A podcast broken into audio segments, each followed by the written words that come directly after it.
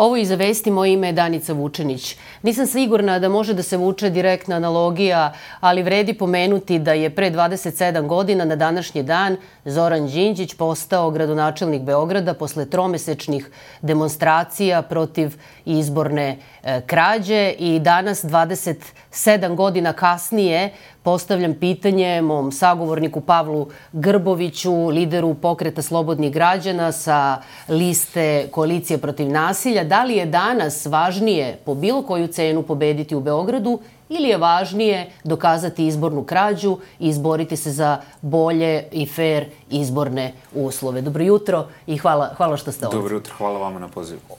Postavit ću ovo pitanje, ali pre toga hoću da vas pitam, pretpostavljam da ste sinoć gledali uh, predsjednika Vučića. On je poslao nekoliko poruka uh, sa RTS-a. Jedna od njih je, i čini mi se da je možda najlakše odgovoriti na nju, je da počinju konsultacije u ponedeljak uh, u kontekstu nove vlade. Da li je to tema koja opoziciju, odnosno vas uh, i pokret slobodnih građana zanima?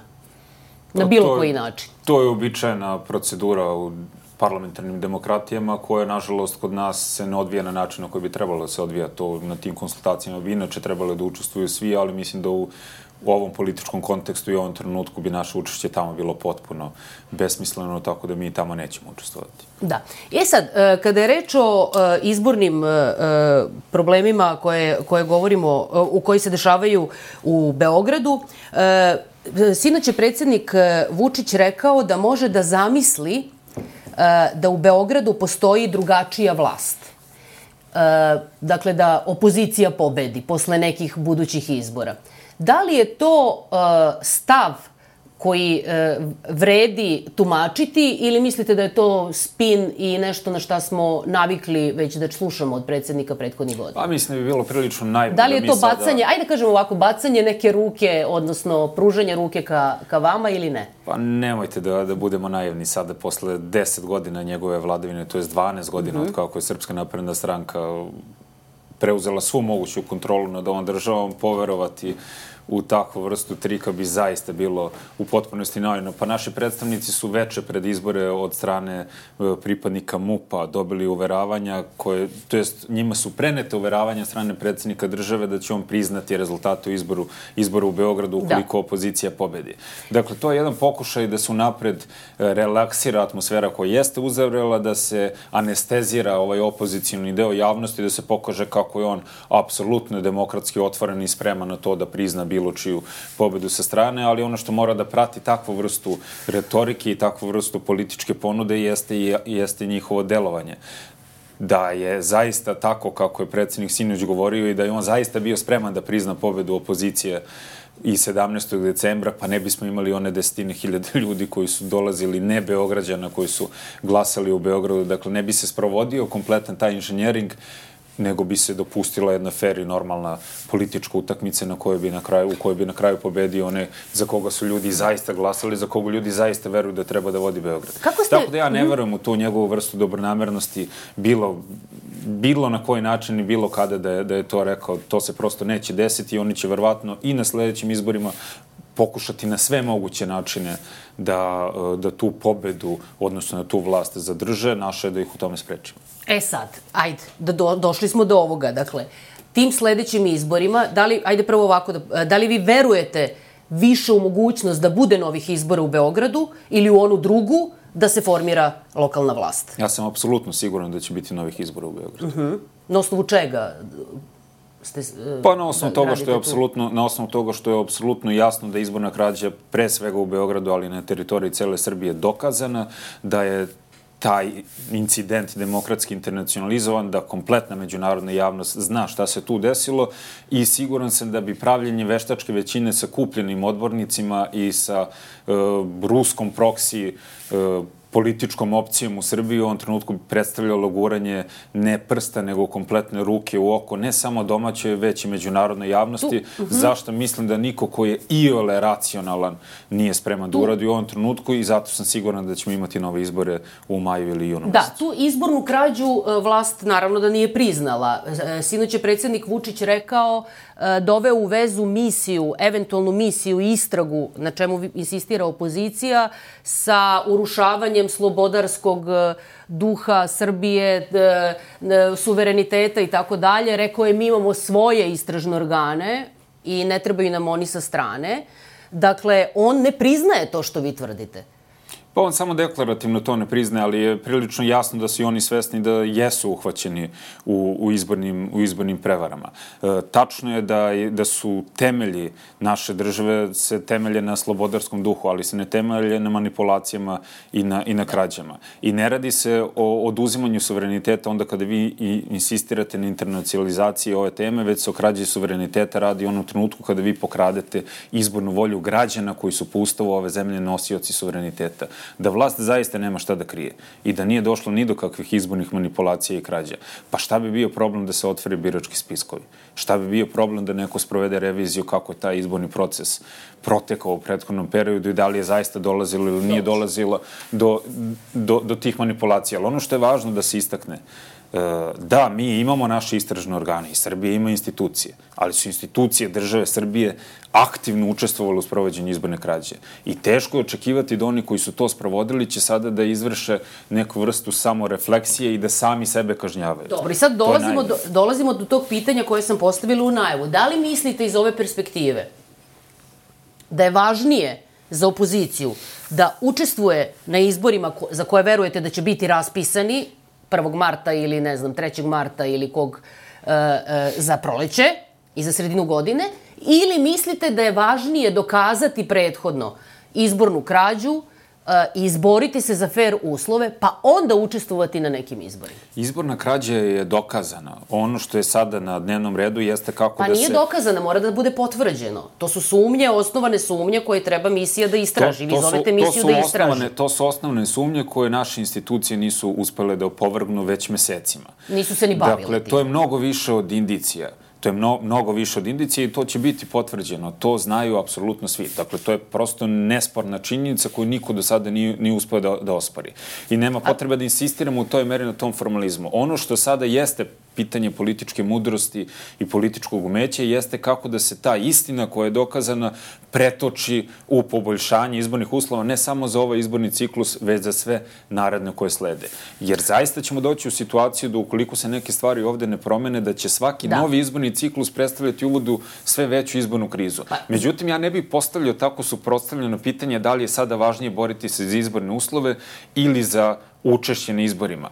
Mislim da je jednako važno i izboriti se za kvalitetne izborne uslove i za pobedu na tim Dobro, izborima, odnosno da, li... da odbranimo ono što je već postignuto 17. decembra u Beogradu, a to je da su građani Beograda većinski rekli da ne žele više da im SNS upravlja da, životom. Ali da li vi od 1. marta ili od 3. marta, ako se odluči da se ide na nove izbore, ulazite odmah u izbornu trku Ili kažete, a ne, ne, prvo da dođe misija, prvo da vidimo, prvo da izborni uslovi, da birački spisak. I, dakle, šta, šta je odluka?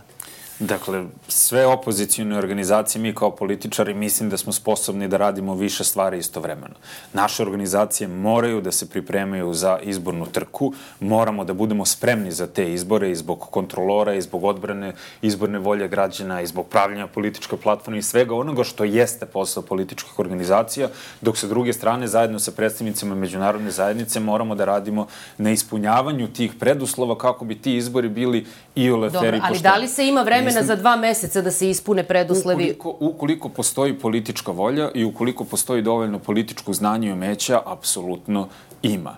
Dakle, ono što ja duboko verujem, a to su potvrdili neke organizacije civilnog društva poput CRTE i sličnih, Dobro. jeste da je izlaz iz ove situacije e, predstavlja to da se formira, da li se to zove neko telo sa izvršnim ovlašćenjima ili se to naziva na neki drugi način, ali da prosto e, predstavnici opozicije, civilnog sektora, javnih ličnosti moraju da imaju određenu kontrolu i izvršne ovlašćenja nad onim resorima koji su ključni za sprovođenje izbora. To jeste ali... Ministarstvo mhm. unutrašnjih poslova, Ministarstvo državne uprave i lokalne samuprave koje vodi birački spisak i to jesu oni poslovi koji su nadležnosti Ministarstva za socijalni rad zato što se kroz to ministarstvo vrši kontinuirano potkupljivanje ali, birača pre svaki izborni ciklus. Ali crta vam i ovo poručuje. E, bez jasne poruke da bezakonje neće biti tolerisano i to je njihova prva tačka da se krivična i disciplinska odgovornost e, istera do kraja, e, ne vidimo smisao ni unapređenja zakona, niti novih izbora, ništa neće biti primenjeno. E, proglas isto e, i, lider, e, i ljudi koji su u proglasu poput sudije Majića kažu nema smisla ako se ovaj minimum ispuni ići na nove izbore. Šta vi kažete? Vidite. Demokratska stranka čini mi se da se slaže sa tim ocenama. Šta vi kažete? Pa zar mislite da bilo ko u Srbiji danas, posle šest, posle koliko, 12 godina SNS-a na vlasti, ne zna da te, te stvari koji su navedeni i u proglasovim zahtijima, da to nisu neki, ajde da kažemo, minimumi u kojima funkcionišu uređene demokratske zemlje? Šta sad hoćete da kažete? Pa dakle, Šta mi naravno da podržavamo, da podržavamo te zahteve. A ne, jasno, ali ja vas pitam u kontekstu ove konkretne situacije, a ne načelno. Ne, ne, konkretno kažem, mi podržavamo te zahteve. To su zahtevi koje opozicija iznosi već poslednjih šest ili sedam godina. Pa znam, I ja to jeste pitam... zaista neophodan preduslov da bismo mi imali normalne, normalne izbore. U kontekstu pred, na, predstojećih lokalnih i beogradskih izbora, u, u tom kontekstu sam vas pitala da li, da li vam je e, prihvatljivo to što kažu ljudi iz crte i ljudi iz proglasa, a to je prvo ovo, pa onda se ide na izbore.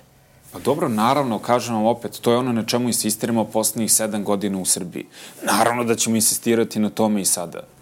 Pa niko neće odustati, niko dobro... neće reći ajmo sad idemo na izbore, ne morate vi apsolutno ništa tu da promenite, nastaviti, sad samo promenite pa u biraču vozite sa drugih opština, ne, ne iz ovih odakle ste ih dovodili do sada. Naravno da moramo da radimo na tome, naravno da moramo da učinimo sve što je do nas kako bi do promene izbornih uslova došlo.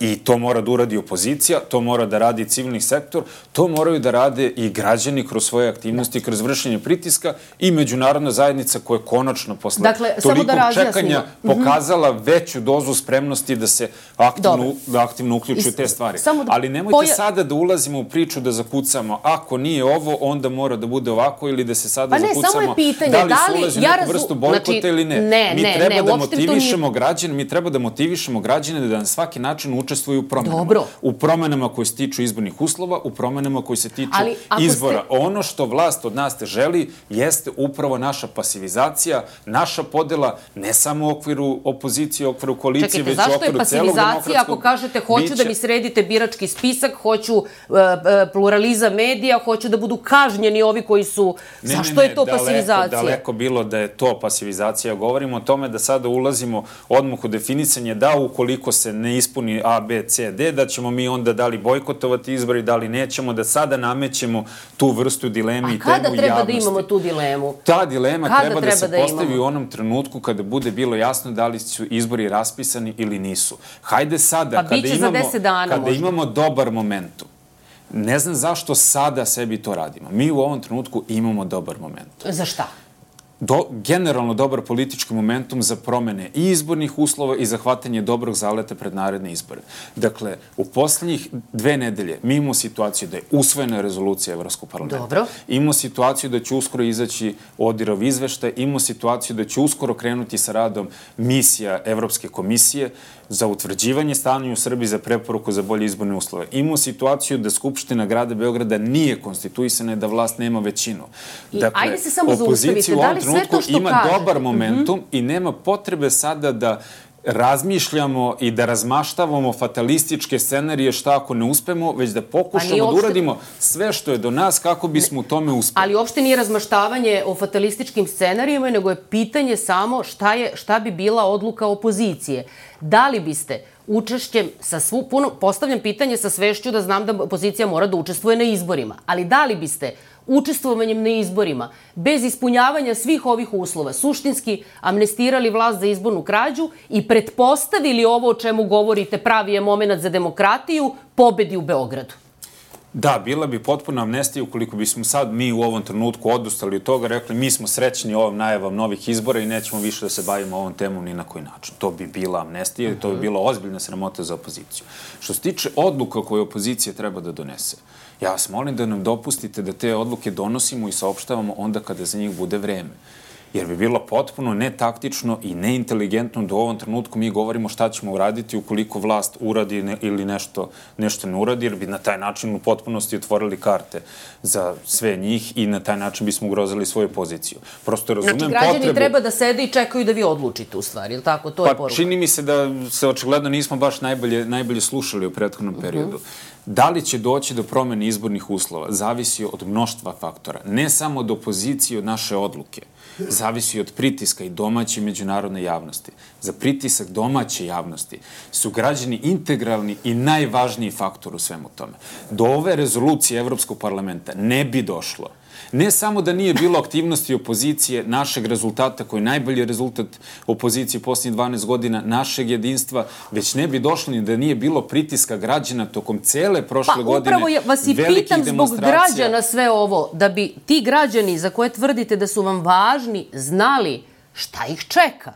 Čeka to su vaši ozbilj, birači. Čeka ih ozbiljna borba, kao i sve nas. Dakle, sve ono što smo imali prošle godine, čekaće nas i sledeće godine. Ne radi se o tome da sada svi treba da sednu sa strane i čekaju da li će ta Evropska komisija da donese neke promene ili neće.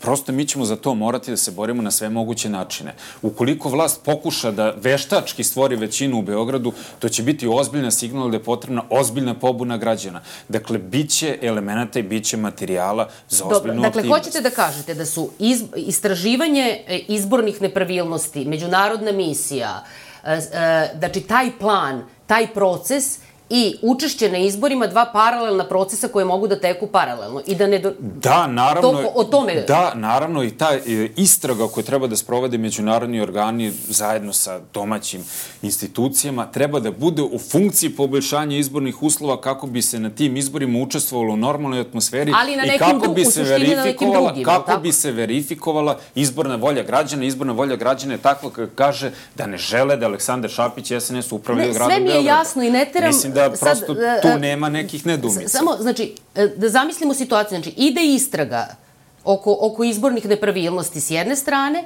i raspisuje se izbori za Beograd s druge strane. Vi učestvujete na izborima dok paralelno ide istraga ili čekate rezultate istrage pa učestvujete?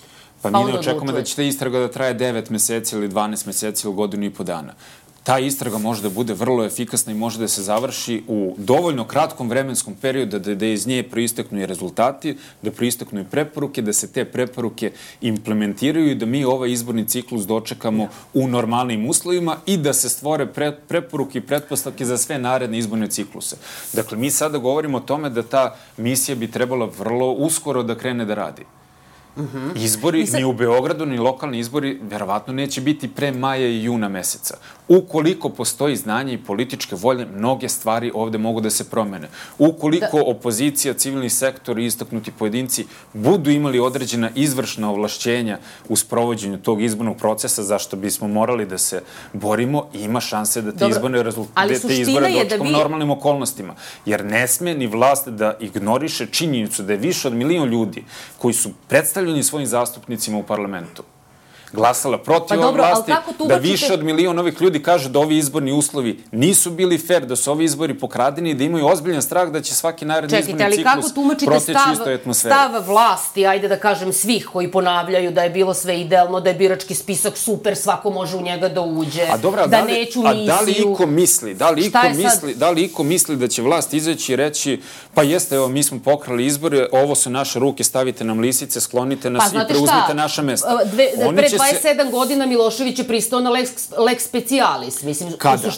Posle tri meseca. Posle tri meseca. Ja ću vas podsjetiti, na ulici. Ja ću vas podsjetiti da je trenutno prošlo oko koliko, dva i po meseca od završetka ovih izbora. Da smo među vremenu imali i proteste i ošture rezolucije Evropskog parlamenta. Da. Imaćemo i odlučnu reakciju Evropske komisije, imamo odlučne reakcije i pojedinih zemalja članica Evropske unije. Dakle, prosto e, nije tačno nešto što lebdi u vazduhu kao neizgovarena teza, a to je da opozicija umeđu vremenu nije radila ništa što bi dalo osnova da se nadamo pozitivan ishod. Ne, ne, ne. To prosto ne. nije činjenica. Ali čekajte, to i ne lebdi u vazduhu. I mi imamo razloga da verujemo da ćemo u ovom procesu uspeti. Da. I imamo razloga da pozivamo građane da nam se u tom procesu pridruže i da to radimo zajedno bez fatalističkih ishoda i fatalističkih Dobre. scenarija da nećemo uspeti. Šta, šta je zapravo e, cilj posete? Idete u, e, sledeće nedelje se ide u Brisel, ide se u Pariz.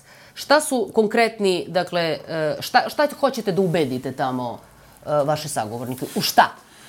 U neophodnost brzog i efikasnog reagovanja nakon rezolucije Evropskog parlamenta u to na koji način i u kojim okvirima i u kojim rokovima ta misija e, Evropske komisije i misija za utvrđivanje činjeničnog stanja i ta komisija koja treba da sprovedi, da sprovede istragu kada i kako ona treba da Dobro. da se sprovede, čime treba uh, da rezultira, kako bismo prosto stvorili preduslove da pred naredne izbore koji su jako blizu i mi imamo mm -hmm. najveći izazov i naša najveća borba je borba sa vremenom i mi smo toga svesni i zato ne gubimo vreme i pokušavamo da to sprovedemo što je moguće pre. I šta mislite, ko ima više uspeha? Sinoć je Vučić rekao da je 40 minuta pričao sa predsednikom Evropskog saveta. To je dosta veliki, e, mislim, to je dosta, dosta vremena koje su proveli u telefonskom razgovoru. Rekao je da su pričali o Banjskoj, nije pomenuo, niti je pitan da li su pričali o ovoj izbornoj krizi. Ko je uverljiviji? On kaže, e, rekao sam mu da mi ostajemo na evropskom putu. To je rekao i Mitsotakisu i tako dalje.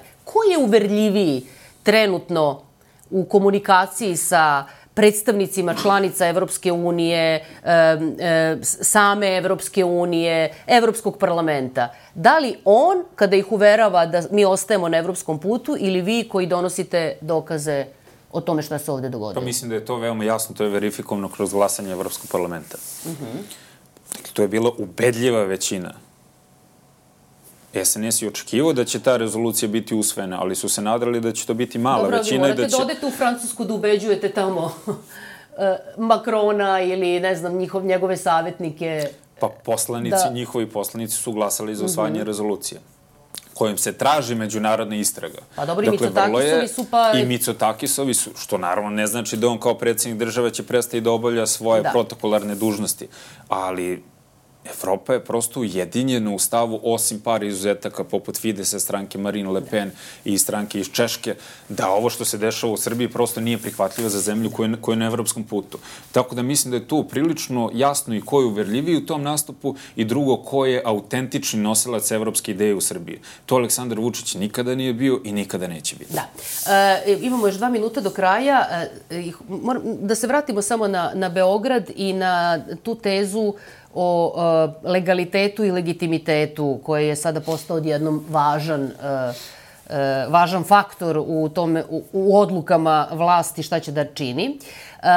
Zašto je po vašem mišljenju legalitet odnosno legitimitet toliko bitan danas i Vučiću i Srpskoj naprednoj stranci kada je reč o, o Beogradu, a nije im bitan do mere da bi odustali i išli na nove izbore na prethodnim izborima kada je takođe preletanjem, ako se sećate, uh, omogućeno, uh, omogućena uh, lagodnija većina. Na prošlim izborima, to jest nakon prošlih izbora je bilo 56-54, a to preletanje im je omogućilo samo da imaju a kažem, malo. Ma, malo lufta. Naravno da njima legitimitet nikada nije bila naročito važna stvar, pritom i legalitet beogradskih izbora je takođe ozbiljno doveden u pitanje, odnosno dokazano da nema ni legaliteta izbornih rezultata u Beogradu, ali oni pokušavaju da na taj način, da kroz tu tezu pokriju temu krađe izbora u Beogradu i da umesto poništavanja izbora mi imamo nove izbore kao čin njihove, poli, njihovog političkog milosrđa, što apsolutno nije tačno. Oni su ljudi svesni da je ova krađa očigledna, da je ona međunarodno dokazana i priznata i sada na sve, na sve moguće načine pokušavaju tu temu da zataškaju, pokušavaju verovatno i kroz avansno trošenje ono, onih milijardi od ekspoa i kroz zaključivanje različitih biznis kombinacija da dobiju i naklonost određenih država članica pojedinačnih kako bi pokušali da. da skrajnu ono što u ovom trenutku jeste u epicentru političkih zbivanja, a to je da jedna zemlja koja je članica kandidat za, koja je kandidat za članstvo u Evropskoj uniji zvanično označena kao antidemokratska zemlja u kojoj vlast krade izboj. Da. E, hvala, hvala što ste bili gost emisiji za Vesti, televizija 1. Bio ovo Pavle Grbović, lider pokreta Slobodnih građana. Ostanite i dalje uz naš program. Prijetno.